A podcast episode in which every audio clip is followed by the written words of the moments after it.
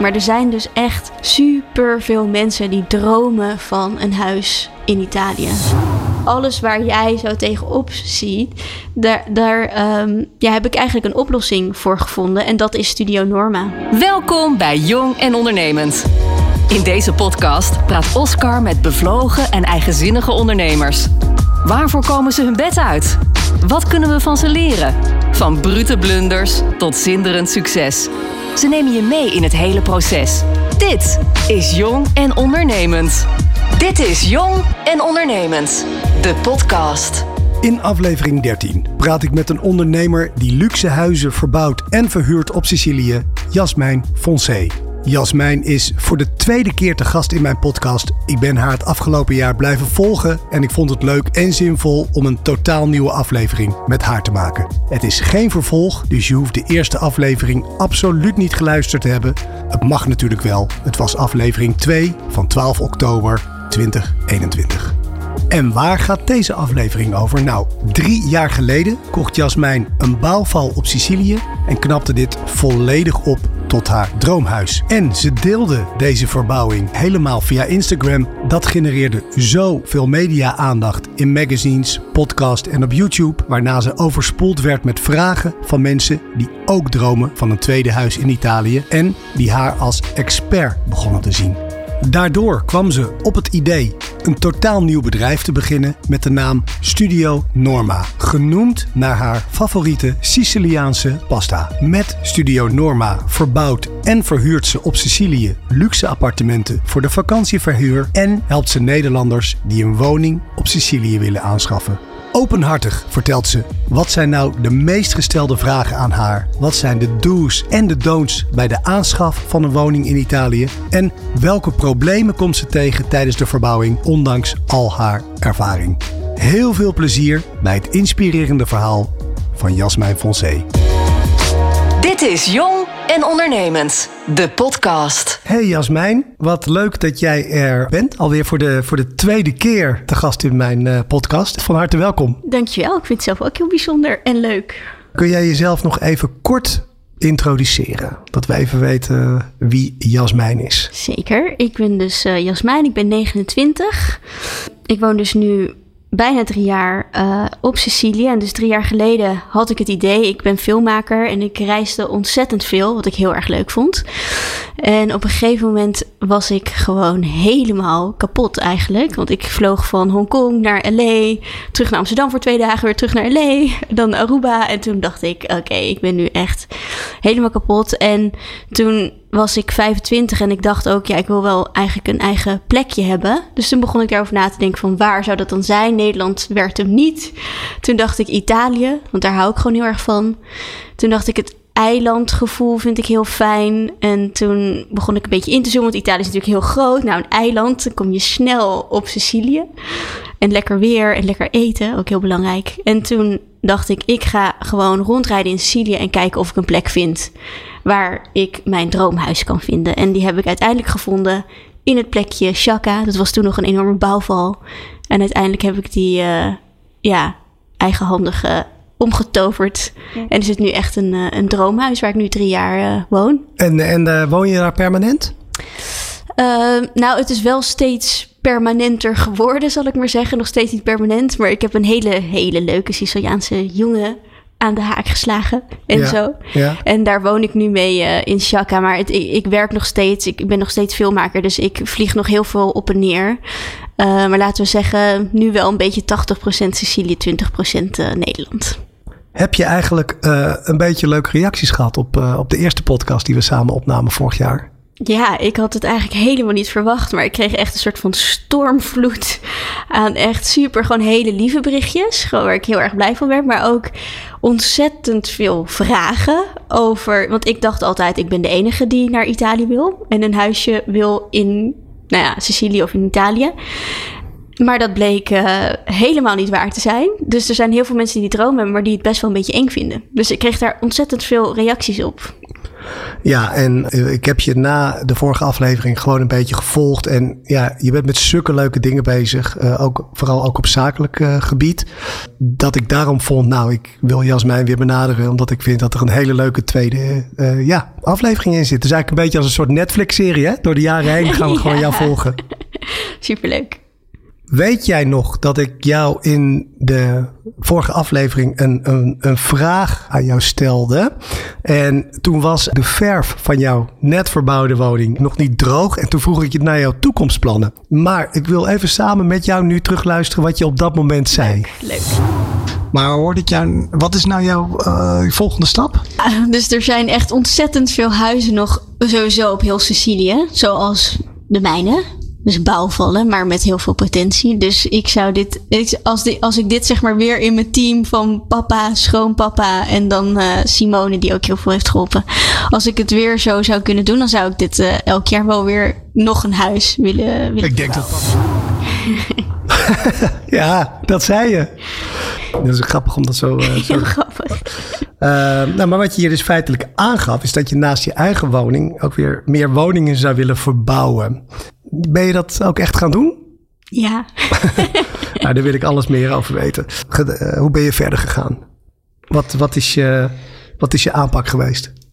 Nou, ik was eigenlijk al heel erg gewend, want ik reis dus heel erg veel. En ik vond het, ja, Instagram, ik hou echt van Instagram. Dus ik legde sowieso altijd alles al vast, ook op mijn reizen.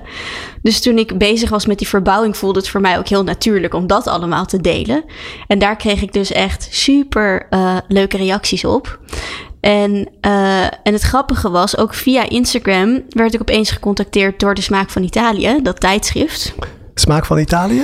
Het is een uh, tijdschrift wat echt alleen maar over Italië gaat. Dus eigenlijk al het moois wat Italië te bieden heeft. Het is een, Nederlands tijdschrift dat gaat over alles uh, over Italië. En uh, zij zei, ja, ik vind jouw verhaal zo leuk met die verbouwing en mijn buurmannetje Paulo en mijn schattige Fiat 500 Toto. En ze zei, dat lijkt me wel heel erg leuk om daarover een interview over te, te hebben met jou. En nou ja, dat vond ik gewoon natuurlijk super leuk dat ik daarvoor werd gevraagd. Dus ik kreeg echt ook boven verwachting echt een super mooi groot artikel in het tijdschrift. En nou, daar kreeg ik toen nog meer uh, reacties op. En um, nou ja, zo ging dat balletje eigenlijk een beetje rollen. Dus ik kreeg opeens heel veel aandacht van de media. Nou, en hier in de podcast waar ik super veel leuke reacties op gekregen uh, heb. Dus. Um... En hoe heb je, heb je daar iets mee gedaan met die vragen? Uh, hoe ben je dat op een bepaalde manier in het vat gaan gieten? Of, of gaf je iedereen individueel antwoord? Nou, ik dacht wel, want ik werd op een gegeven moment dus een beetje mee overspoeld. Dus ik dacht, ja, er zijn heel veel mensen die het super leuk vinden, maar ook heel veel mensen die dus geholpen willen worden. Maar ik dacht, ja, hoe kan ik hun nou het beste helpen? En toen kwam ik erachter van, nou ja, toen had ik bedacht, als ik nou bijvoorbeeld een cursus zou maken, waarin ik want het zijn eigenlijk, het is een soort van stappenplan wat je moet doorlopen. Er zijn een paar dingen waar je heel erg rekening mee moet houden als je een huis wil gaan kopen. Die, waar, die je van tevoren niemand je vertelt, zeg maar. En die wel heel belangrijk zijn. Dus daar ben ik mee begonnen. Toen ben ik ook nog een, uh, een videoserie op YouTube gaan starten met de smaak van Italië weer. En daar deel ik ook allerlei tips uh, over. Dus ik, nou, natuurlijk reageer ik individueel op Instagram, maar ik dacht, hoe kan ik nou een zo groot mogelijke groep hiermee helpen? Want het is natuurlijk een beetje ja, uh, algemene kennis die je moet, moet hebben. En toen ben ik dus die cursus en die video-serie gestart. En uh, was er animo voor? Ja, want dat, voor, mij, het, voor mij is het nog steeds een beetje onwerkelijk. Maar er zijn dus echt super veel mensen die dromen van een huis in Italië. Dus ja, dat was gewoon. Uh, voor mij ook weer heel fijn dat ik die mensen daar een soort van stapje verder mee kon uh, helpen. Eigenlijk word je dan als een soort expert gezien. Had je dat ja. van tevoren kunnen, kunnen bedenken? Nee, totaal niet. Ja, want dat was sowieso natuurlijk omdat ik er niet bij stil had gestaan. Er heel veel mensen zijn met die droom.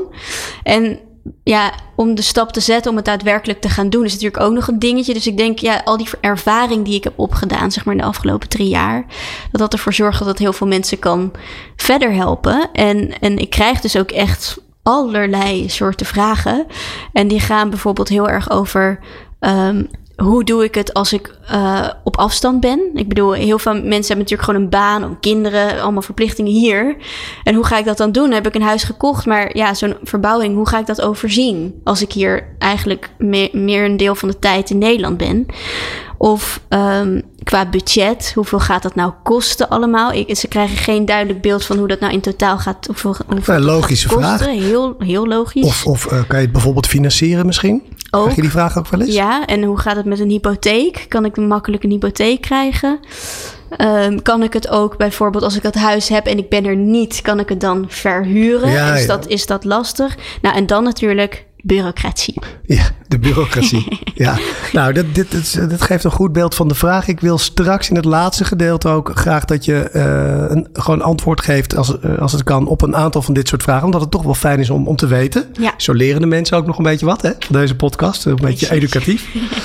um, overigens, wat ik, uh, wat ik krijg natuurlijk ook reacties op, op de diverse afleveringen van, van de podcast die ik maak. En wat ik echt wel van een paar mensen terugkreeg. Uh, wat ik leuk vond om te zeggen is dat ze het heel leuk voor jou vonden dat je er niet alleen maar van droomde, maar dat je het ook ja, stap voor stap ook gedaan hebt. Ja. Heb je die feedback ook wel eens teruggekregen? Ja, dat is zo. En ik sta er dan zelf nooit heel erg bij stil hoe dat dan gaat in mijn hoofd. Maar voor mij zijn het meer, ik weet dan, ik heb dan heel duidelijk wat ik graag wil bijvoorbeeld een huis op Sicilië. Maar daarna denk ik alleen maar in stapjes, zeg maar. Ik denk niet aan, wow, ik moet een huis gaan vinden op Sicilië. Maar ik denk meer van, oké, volgende week moet ik er dus voor zorgen dat ik een ticket heb naar Sicilië. Een auto moet huren en ik moet dan gaan rondrijden om te kijken waar ik dan wil gaan wonen. Bijvoorbeeld. Dat is het eerste wat er bij me. Dus voor mij is het dan niet zo heel erg overwhelming, omdat het gewoon kleine stapjes daar naartoe zijn. En daar focus ik meer op dan bijvoorbeeld zo'n enorm mooi huis. Want dan denk ik, dat komt wel. Maar ik moet eerst even kijken wat dan de eerste stap is. Want jij kan toch niet alles van tevoren weten? Nee, exact. dat en, blijkt ook uit je verhaal. Ja. Je kwam heel veel dingen tegen onderweg. Ja. Nou, ja. Ik denk ook dat dat zeg maar is wat je moet onthouden. Dat er heel veel fout gaat. En dat je heel vaak denkt dit is, weet dit is echt ongelooflijk. Dat je hersenen bijna ontploffen. Dat, dat gebeurt vaak, zeg maar. En dat ga je ook niet kunnen vermijden. En dat, maar als je, dat, als je jezelf daarop voorbereidt dat dat gaat gebeuren, dan wordt het ook alweer een stuk. Dan denk je, ja, het hoort er gewoon bij. Ik ga beginnen, ik heb er super veel zin in. Ik blijf focussen op dat mooie droomhuis. En dan ja, alles wat er op mijn pad gaat komen, er gaan nare dingen op mijn pad komen. Ja, ik weet al dat ze gaan komen. Ik weet nog niet precies in welke vorm, maar ik weet wel dat ze gaan komen en daar ben ik oké mee, zeg maar. Dit is Jong en Ondernemend, de podcast. Nou, je vertelde al dat je meer wilde doen op het gebied van opknappen van huizen, aankopen van huizen. Wat heb je eigenlijk afgelopen jaar daarin gedaan? Nou, dat idee, dat was dus al een beetje zo aan het borrelen. En toen toen dacht ik, ja, nou, ik was een beetje nou, heel rustig aan. Was ik een beetje aan het kijken naar huis. Want ik dacht al, ik zou het heel leuk vinden om er weer een huis weer op te gaan, gaan knappen, maar dan voor de verhuur. Uh, dus ik was wel al een beetje gaan zoeken. Ik heb denk ik misschien iets van vijf huizen bekeken. En elke keer was er dan weer net iets wat dan niet helemaal oké was. En toen binnen het, binnen uh, je plaatsje? Binnen, ja, in binnen Chaka. In Chaka. Ja, dus je had eigenlijk je eigen huis waar je in woont inmiddels? Ja. En toen langzaamaan dacht ik, ik ga gewoon eens even kijken wat er nog meer is. Ja. En um, heel grappig, toen ik, als ik woon dus op een heel schattig klein pleintje. En zodra je naar buiten loopt, kom je eigenlijk op nog een leuk pleintje. En ik kwam erachter dat daar een huis te koop stond. En dat huis. Uh, nou, ik zag, ik, had, ik was er nog nooit binnen geweest, maar ik dacht dat huis heeft echt het allermooiste uitzicht. Wat je je maar kan voorstellen. En mijn huis heeft mooi uitzicht, maar dat huis is nog wel next level. Dus dat was een soort van. En ik, ja, het stond te koop. Dus ik dacht, ik moet erachter komen wie dat dan verkoopt. Um, en toen zijn we erachter gekomen. Ik, Enzo, lief Enzo, die, mijn vriend, die spreekt natuurlijk Italiaans, want hij is Italiaans. Uh, die belt de makelaar op. En uh, ja, de familie heeft ruzie gekregen. Grote familie, want dat heb je heel vaak. Iemand wil niet meer verkopen, dus de verkoop gaat niet meer door. En de makelaar die, die baalde er ook als een stekker van. Maar ja, het, uh, het ging niet door. Dus nou, ik dacht, ja, daar, dat is een gebed zonder eind. Dus ik ga gewoon verder zoeken naar een ander huis. Heb ik gedaan. Nou, Ik heb nog wel wat huisjes gezien, maar dat was, was er elke keer dus iets mis. Op een gegeven moment wilde ik een ander huis. En toen eh, was ik daar. En toen zei Enzo, ik herken jouw stem. Dat zei hij tegen de makelaar die ons dat huis liet zien. Bent, bent u niet de makelaar van dat huis waar de mensen ruzie hebben gekregen en dat het niet meer in de verkoop is? En dan zei die makelaar, oh ja, dat eh, ben ik. En het huis is weer in de verkoop. Dus de familie had het inmiddels bijgelegd. Gelukkig. En toen- ja. En toen dacht ik, oh, nou dan wil ik echt super graag naar dat huis gaan kijken. was eindelijk het moment daar. Maar dat En, was eh, het huis wat je eigenlijk voor ogen had. En wat, ik eigenlijk heel gewoon erg wilde. wilde. En ik was net bezig met eigenlijk een soort van onderhandeling voor dat andere huis. wat ik in de tussentijd had gevonden. Maar ik dacht, ja, dit huis, dit moet het geworden. Dus ik heb alles afgeblazen met het andere huis. En toen zijn we alleen maar gaan focussen op dit huis. En dat was ja, ook wel echt weer heel. en Nu kan je erom lachen, maar op dat moment, weet je wel, een wc in de trap bijvoorbeeld, om eventjes iets te noemen. Altijd Kom je opeens achter, je weet maar nooit, weet je wel. Dat soort dingen. En dat is dan een illegale wc natuurlijk, want die zit in de trap. Nou ja, allemaal van dat soort hele rare dingen kwamen we tegen, weer. Kan je het huis heel even beschrijven? Eh, dat, we hebben nu, natuurlijk nu geen beeld, maar Ja. wat, is het groot? Is het klein? Eh, Het is eh, een stuk groter dan mijn huis. Het, het, we zijn zeg maar omringd door hele oude kasteelmuren. En daar ligt het tegenaan. Dus het, is, het, het was vroeger, daar ben ik nu achter gekomen. Ons gedeelte is zeg maar waar ehm, de paleizen stonden. En dan daarboven stond het kasteel. En dat is dus allemaal was, ja, beschermd door die kasteelmuren. En dit huis, jij komt aan. Het is, eh, je hebt over van elke verdieping heb je een mooi uitzicht. Het heeft allemaal een eigen balkon. En dan als je helemaal boven komt, dan loop je dus door zo'n mooie gang. En dan zie je nog die oude kasteelmuur eh, aan de zijkant. En dan kom je boven en dan heb je dus echt, ja, het, je ziet de hele kustlijn eh, van Chaka. En het is gewoon het allermooiste. Ja, ik was gewoon. Het, je krijgt een soort van penthouse gevoel. Dat krijg je ervan. En is het één huis of is het opgedeeld in... eh, Het is opgedeeld, dus het is één groot huis. Je hebt zeg maar een gezamenlijke ingang, maar dan kom je in een gang.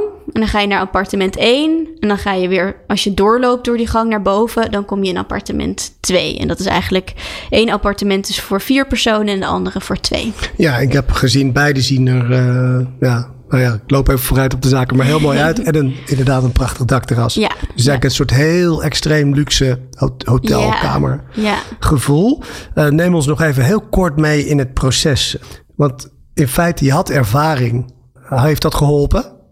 Een beetje een retorische vraag, maar dat je al ervaring had met het aansturen van een bouwteam en dergelijke? Het heeft geholpen, maar het blijft zeg maar Italië. Dus je, ja, er waren weer allemaal dingen waar ik nog nooit van had gehoord, zeg maar. Dus het hielp heel erg, want dit was natuurlijk een nog, eigenlijk een nog groter project dan mijn eigen huis. Dus het hiel, ik was heel blij dat ik het al een keer had gedaan. Maar toch kom je altijd weer dingen tegen waarvan je denkt, dit is echt weer ongelooflijk. Nou, ik wil zo even van je horen wat er dan, eh, eh, ja, wa- waar je dan tegenaan liep. Eh, wanneer heb je het huis gekocht? In maart. En je hebt zelf de bouw aangestuurd, hè? Ja, klopt. Hoeveel mensen zaten er in jouw bouwteam? Hoeveel bouwvakkers had jij die jij aanstuurde? Drie. En eh, hoe lang heeft dat proces geduurd? Van begin tot, tot het echt klaar was? Ja, dat, we, we starten zeg maar in mei. En het is nu echt, ik ben twee weken thuis. Het is net af. Eh, dus dat duurde tot eh, op, ja, eind september. En eh, je had het net over zaken die toch tegenvielen. Kan je een paar dingen noemen? Ja. Where to begin? Nou, het eerste, ik wilde gewoon, voor mij was het heel belangrijk. Het is natuurlijk een oud huis en ik hou heel erg van oude huizen. Maar ik wilde er wel voor zorgen dat alles echt heel mooi en heel dat alles nieuw was zeg maar in het huis. Dus de leidingen, weet je, je moet wat je je bij moet voorstellen is dat in zo'n oud huis als je alle waterleidingen en alle elektriciteitsleidingen moet vervangen, dan moeten zij dus door de vloeren gaan frezen en dat is ontzettend veel werk.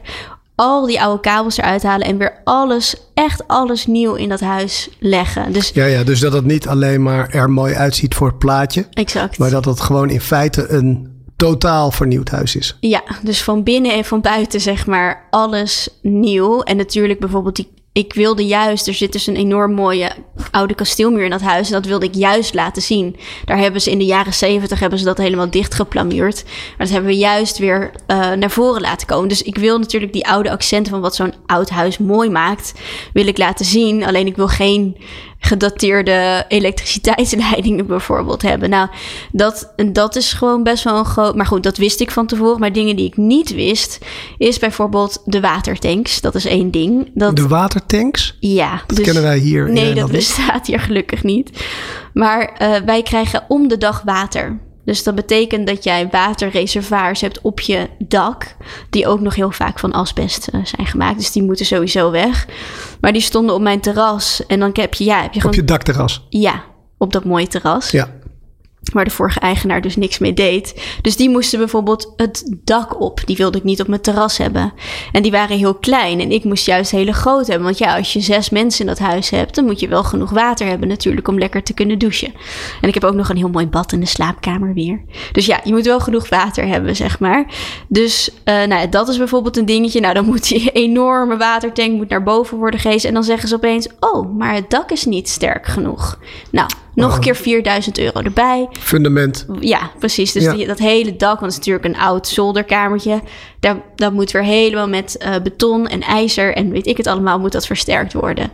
Dus dat komt er dan ook weer bij. Of bijvoorbeeld, oh ja, er zit toch een scheur aan de zijkant die we nog niet hadden gezien. Of weet je, ik ben er heel vaak met de verbouwing. Maar het kan soms ook zijn dat ik dus even aan het filmen ben in Nederland. En dan krijg ik opeens een appje van de bouwvakker. Wel heel lief dat hij me heel trots een knal oranje plastic uh, regenpijp tegen, het, uh, tegen de voorkant van mijn huis heeft gemonteerd, weet je wel.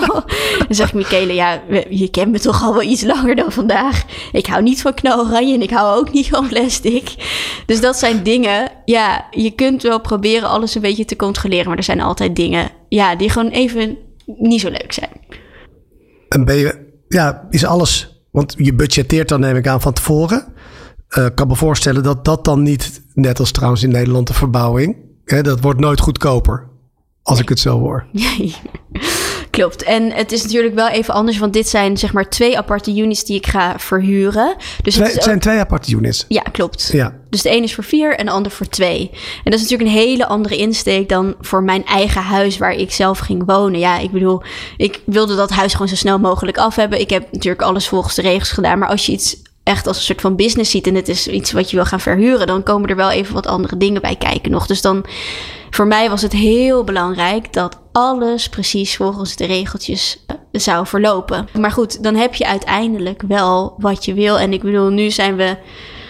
Ik voel me er gewoon helemaal rustig bij. Alles is gewoon, het klopt allemaal. En als je dan het uitzicht ziet en die kamers en gewoon wat ik in gedachten had van hoe het zou moeten worden en dat dat werkelijkheid is geworden, ja, dan val, vallen al die, uh, die nachtmerrietjes, zeg maar, die je dan tegenkomt in zo'n proces, die vallen dan eigenlijk een beetje in het niet, gelukkig. Dit is Jong en Ondernemend, de podcast.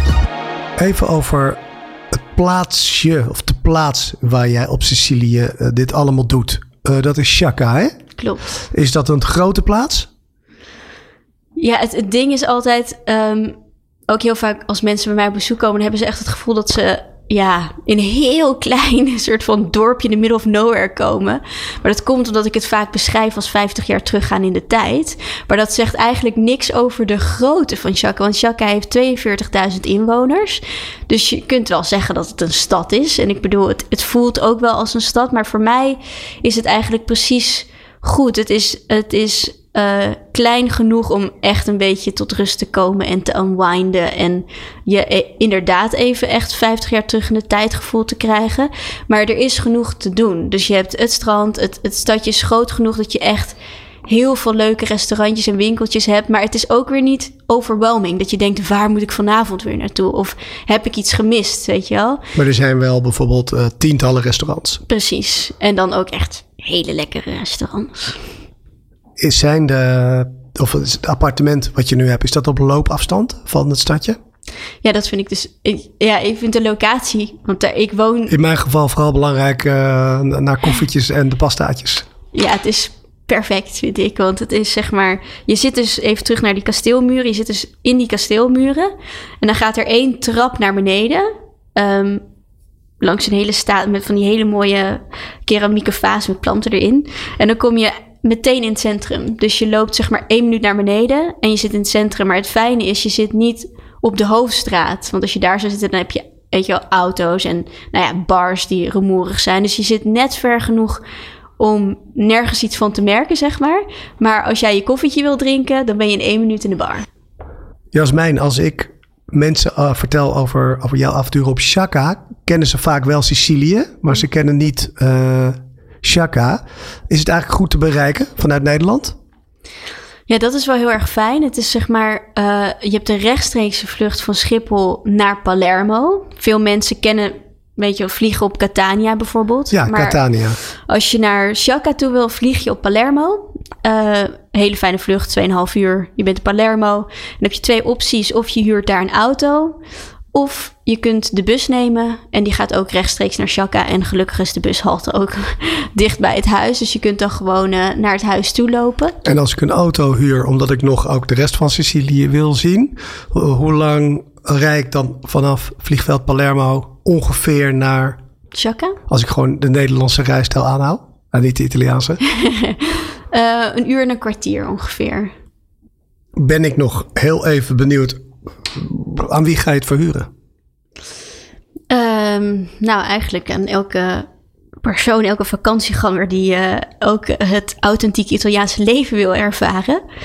Um, dus voor de korte termijn, zeg maar van drie tot twee weken of zo. Um, maar ook, wat, wat ik ook weer heel leuk vond, is dat ik eigenlijk via Instagram ook weer heel erg in contact kwam met personen zoals ik, zou ik maar zeggen, die ja, uit hun koffer leven en met hun laptopje gewoon overal naartoe kunnen.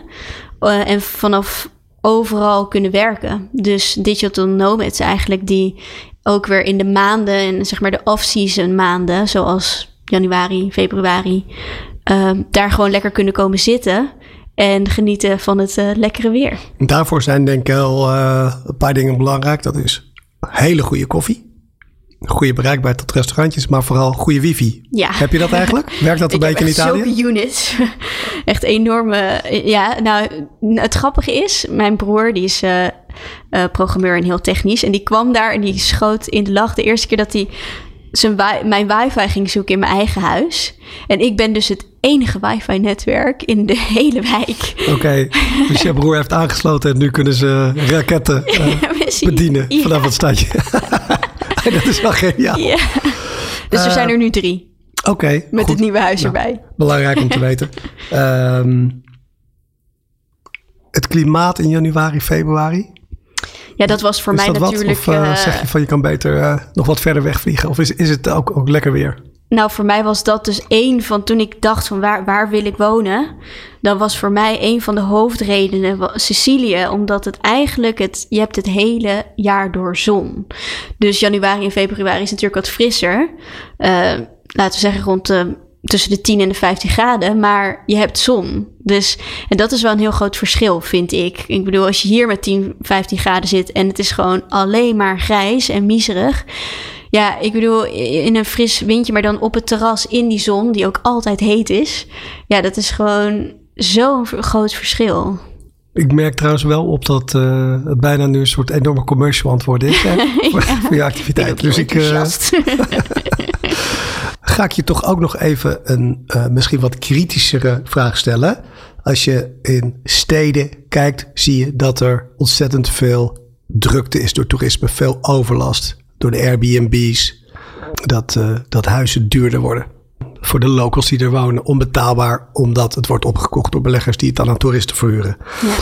Nou kom jij uit Nederland, je hebt een huisje gekocht en je hebt er nu nog een gekocht voor de verhuur.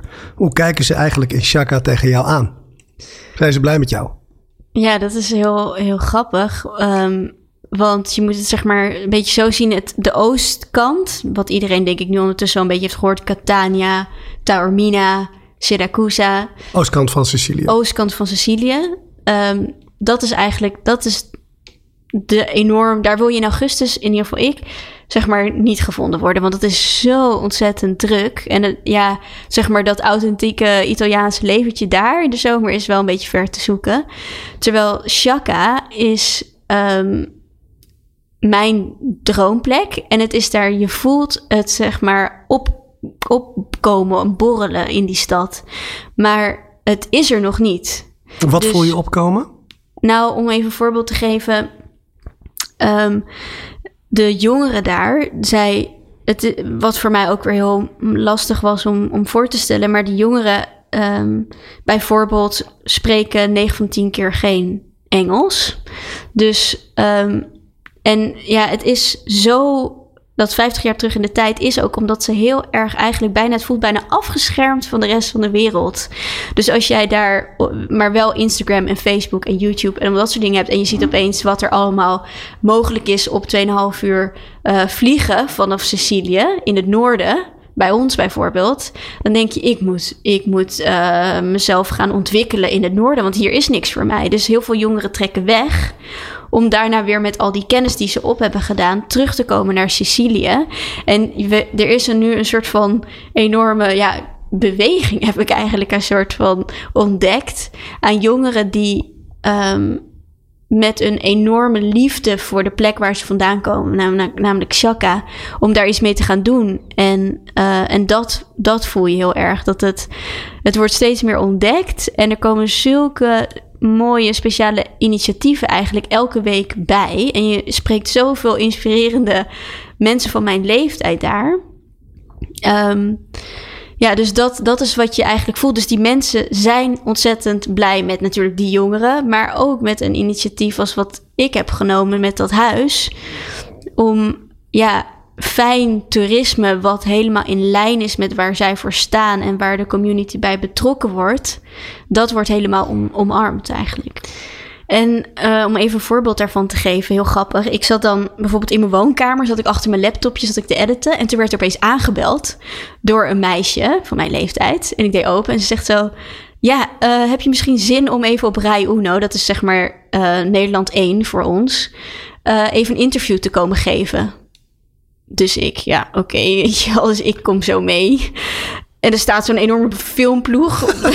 zeg maar dat trappetje waar je naar beneden gaat om het centrum te gaan. Daar staat die film.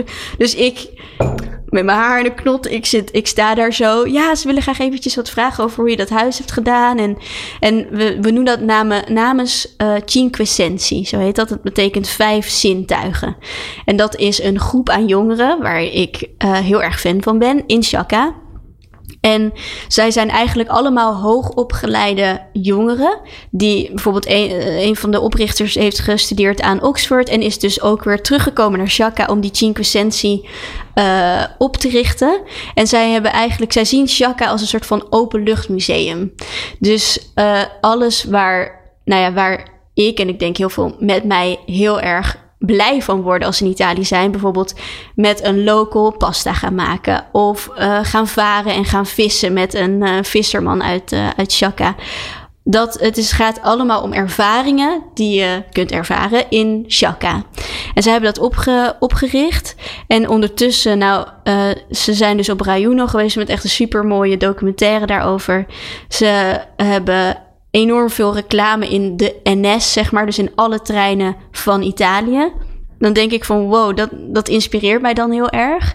Er, er hangt een hele fijne energie. En iedereen werkt samen om Shaka, uh, ja, om het mooiste uit Shaka te halen. En begrijp ik het goed dat jij daar ook op jouw manier je steentje aan gaat bijdragen? Ja, wij, uh, want ja, ik vind die Cinque Sensi dus geweldig.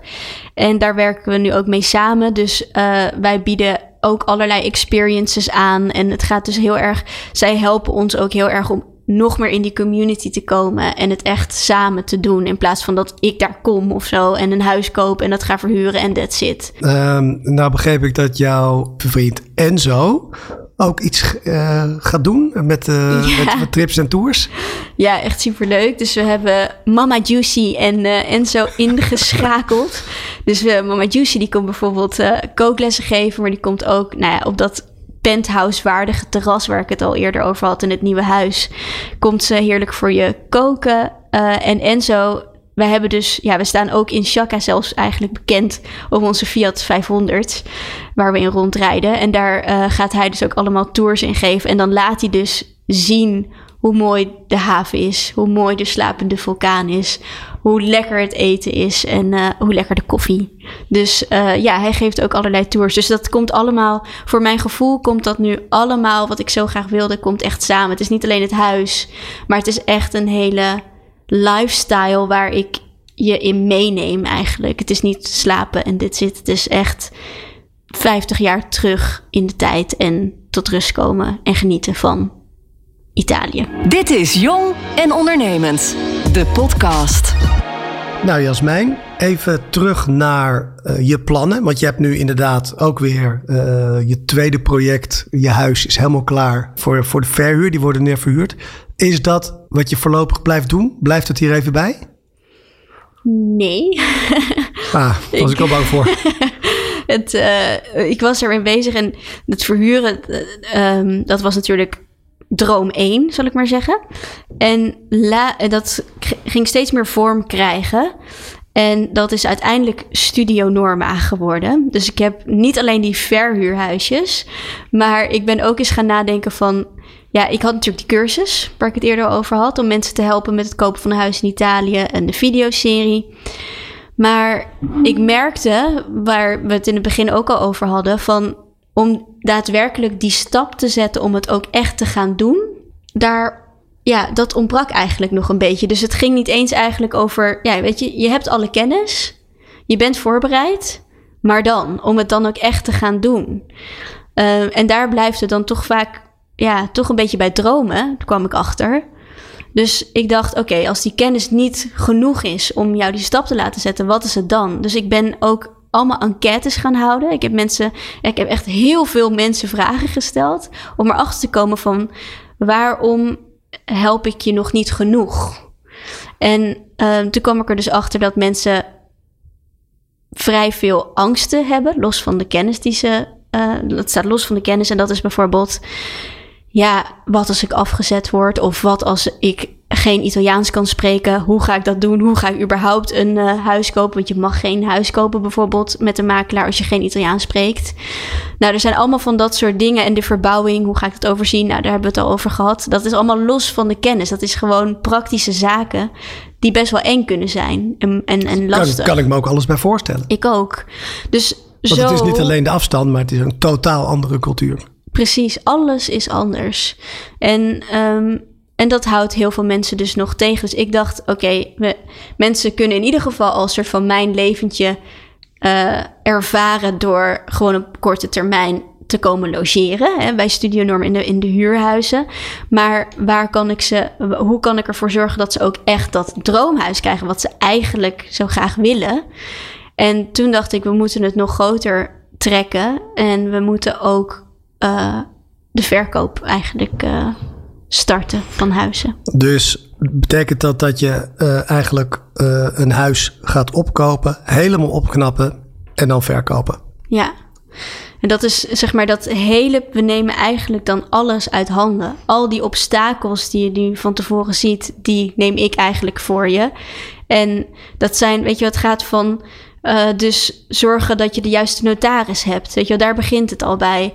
Of nou, een enorm ding. Hoe maak ik het? Ik bedoel, je wil natuurlijk dat dat huis, dat mooie oude huis, dat die, uh, zeg maar, die eigenschappen van dat oude huis, dat die bewaard blijven. Want ik bedoel, je gaat naar Sicilië omdat je dat leventje wil en dat je zo'n soort huis wil. Maar het moet wel aan bepaalde standaarden voldoen.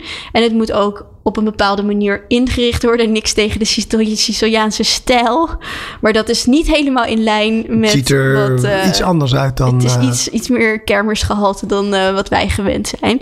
Dus ja, ik, al, daar ontzorg ik je eigenlijk in. Dus alles waar jij zo tegenop ziet, daar, daar um, ja, heb ik eigenlijk een oplossing voor gevonden. En dat is Studio Norma. En nou zeg jij Studio Norma. Dat is dus een nieuw bedrijf wat je hebt opgericht. Klopt. Doe je dat helemaal alleen? Nee, want als ik dit ook allemaal zo opnoem, dan denk ik, uh, dan denkt de luisteraar waarschijnlijk dat ik uh, meer dan 24 uur in de dag heb, maar dat heb ik niet. Ik heb ook echt de afgelopen drie jaar echt een heel erg fijn uh, team om me heen verzameld. Waaronder, nou ja, natuurlijk Enzo, want daar ben ik ja, dat is echt mijn rechterhand en die helpt me overal mee. En uh, dat heeft het ook allemaal, het proces ook wel echt een stuk makkelijker gemaakt. Ja. Um, uh, en daarnaast Melissa, die echt een beetje de mastermind is achter nou ja, hoe alles eruit ziet, hoe onze communicatie online is. Um, ik sta nu op, of ja, ik stond op de. Oh, ik ook niet. Ik stond op de Second Home beurs. En uh, nou ja, daar heeft ze een prachtige presentatie voor mij gemaakt. En dat heeft mij, ja, dat, dat er iemand naast je staat die dat allemaal zo, die daar zoveel kennis over heeft. Ja, dat geeft het allemaal nog wel even een extra lift. En dat zou ik zelf niet zo kunnen hebben gedaan. En dan Cher, die eigenlijk alles doet waar ik niet goed in ben. Dus zij is gewoon super gestructureerd. En zij doet de back-office en alle boekingen. En nou ja, dat, dat, ja, dat had ik allemaal gewoon niet alleen kunnen doen. Dus het is echt een heel team geworden. Ja, het is echt al een uh, professionele organisatie. En nou zeg je Studio Norma. Staat dat nog ergens voor, het, het uh, woordje Norma? Ja, want van ons hele team, kan ik wel zeggen, is ons favoriete gerecht pasta alla norma. Wanneer ga je van start met het verkopen van een huis? Of van met je eerste project ben je al bezig? We zijn al bezig, ja. ja dus de huisjes, natuurlijk de verhuur is sowieso al gestart. En uh, nou, we hebben gewoon nu een, uh, een heel mooi tweede huis op het uh, oog. En dat is eigenlijk een soort van kopie van wat we eerder al hebben gedaan. Weer met zo'n prachtig uitzicht. En um, iedereen weer een eigen balkon. Weer bij ons, bij dat pleintje. Weer een minuut van je koffiebarretje af. En um, ja, dat gaat gewoon weer iets heel erg moois worden.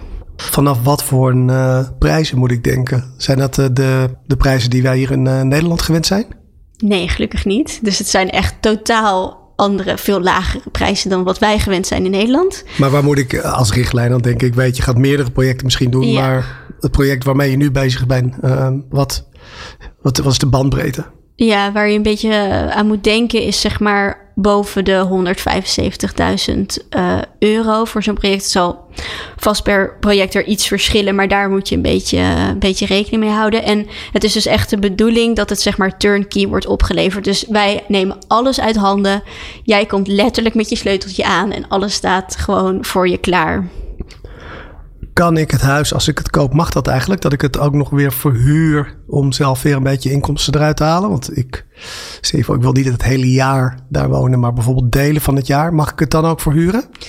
Ja, dat is wel een leuke vraag. Want ik weer van die, die enquêtes die ik dus hield met al die vragen van waar mensen, weet je wel, wat obstakels voor mensen zijn voordat ze zo'n huis in Italië kopen, dat soort dingen. Daar kwam dus ook heel vaak uit dat ze het zo graag zouden willen, omdat het een tweede inkomstenbron zou kunnen worden. Dus als ze er niet zijn, dat ze dat huis zouden kunnen verhuren. En dan hadden ze dus heel vaak de vraag van, mag dat überhaupt?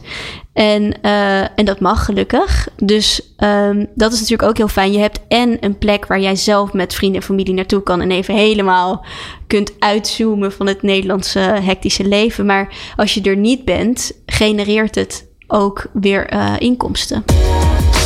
Dit is Jong en Ondernemend, de podcast. Jasmijn, jij vertelde dat je veel vragen krijgt. En in dit laatste blok wil ik gewoon graag van jou wat uh, vragen, maar vooral antwoorden. En misschien heb je wat do's en don'ts voor mensen die ook eraan zitten te denken om zo'n project te doen. Heb jij wat, uh, wat van die vragen voor ons? Wat krijg jij zoal op je af? Um, deze twee woorden die je echt super veel gaat horen. En dat is codice fiscale.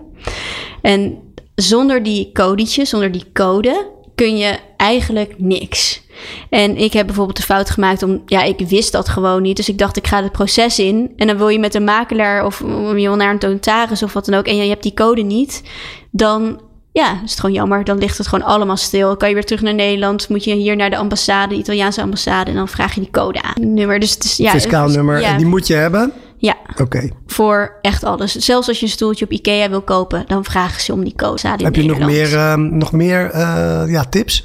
Ja, een andere tip is dat eigenlijk de, heel vaak vragen ze wie heb ik nodig om te starten. En dan zeg ik altijd de notaris, de aannemer en ja, de makelaar natuurlijk. Uh, en een technico. En waarom zijn die zo belangrijk? Vooral de notaris en de technico zijn heel erg belangrijk, omdat de notaris, even heel kort gezegd, kijkt naar of, de, of het huis op papier klopt. En een technico kijkt of het huis fysiek klopt. Want heel vaak, en dat is eigenlijk nog een tweede subtip heb je abusivo. En dat betekent dat iets illegaal gebouwd is. En dat komt heel erg vaak voor, helaas in Italië. En dat is heel erg, kan heel erg vervelend zijn. En daar moet je erg op, goed op letten. Want anders koop je dadelijk een huis waar een deel van illegaal uh, gebouwd is. Dus je, je, die notaris en die technico moet je allebei vertrouwen. En die moeten met elkaar communiceren. Dus als die technico zegt hey, er zijn drie slaapkamers en de notaris zegt, oh, maar hier op de plattegrond staan er maar twee, dan klopt er iets niet. Dus dat zijn bijvoorbeeld twee spelers in het proces waarvan je moet weten dat ze goed zijn en dat ze weten wat ze doen. Want als daar iets fout gaat, dan ja, heb je echt een groot probleem. Ja, nou dat is uh, zinvolle info. Kan je er nog één of twee uitpikken?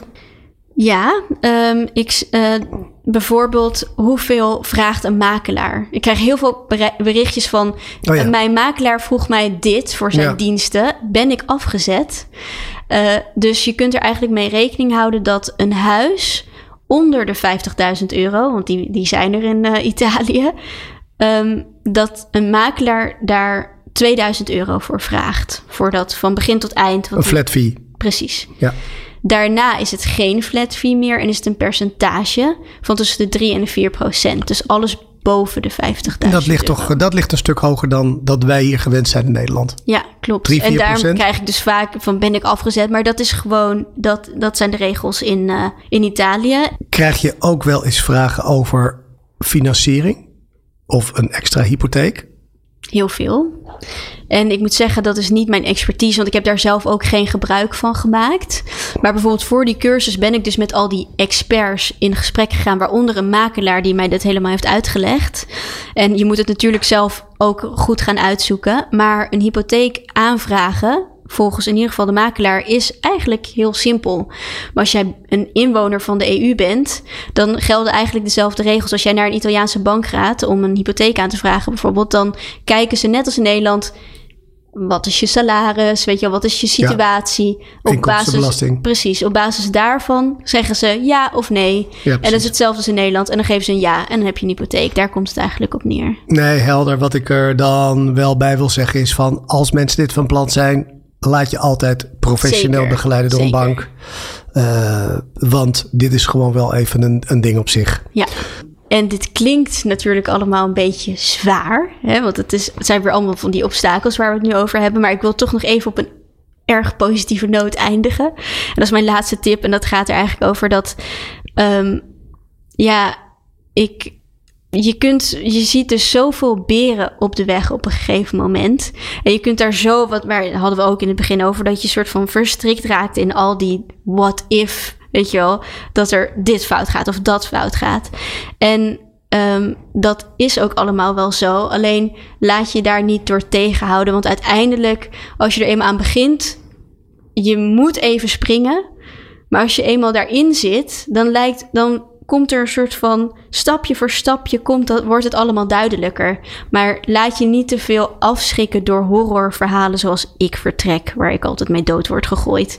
De documentaire serie over dat alles fout gaat als je naar het buitenland vertrekt en dat soort dingen. Nou, dan, uh, dan zijn we weer echt aan het eind gekomen van uh, deze aflevering. Ik zal trouwens alle links van bijvoorbeeld Studio Norma en naar jouw Instagram nog even in de footnotes zetten. Um, wat zijn jouw plannen voor de komende twee jaar? Heb je enig idee? Ik denk hiermee doorgaan. Dus um, ja, weer hetzelfde antwoord als de vorige keer. Ik denk, ik vind het verbouwen gewoon helemaal geweldig. Vooral in Italië. Dus ik denk dat ik dit door ga zetten. Niet alleen maar de huizen, maar het steeds groter trekken ook weer met die community. En daar weer creatiever in worden en weer mooie nieuwe ideeën bedenken die we samen kunnen doen. En gewoon heel erg ja, genieten en anderen met mij mee laten genieten, hopelijk. En daar kijk ik heel erg uh, naar uit. Nou, ik blijf je in ieder geval volgen, Jasmijn. Ontzettend bedankt. Jij ook. Superleuk. Bedankt voor het luisteren naar Jong en Ondernemend. Graag tot de volgende aflevering.